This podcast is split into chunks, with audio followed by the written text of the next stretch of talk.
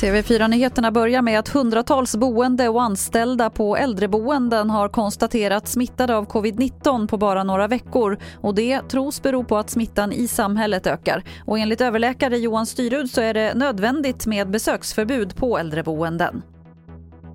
Det är jätteviktigt att vi har ett besöksförbud på, på äldreboenden. Det är hemskt tråkigt att inte få träffa mamma, pappa etc. Men vi måste verkligen tänka på det är en sjukdom som kommer gå över. Vi kommer få se folk senare. Så kan vi också berätta att arbetslösheten inte har skenat lika mycket de senaste månaderna som under våren. Det visar siffror från Arbetsförmedlingen.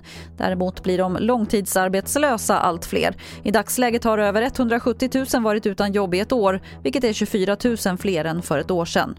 Och till sist kan vi berätta att SMHI även idag varnar för plötslig ishalka. Kalla vägbanor i kombination med regn kan göra att det blir ordentligt halt på vägarna och det här gäller i norra Norrland under dagen. Det var det senaste från TV4 Nyheterna. Jag heter Lotta Wall.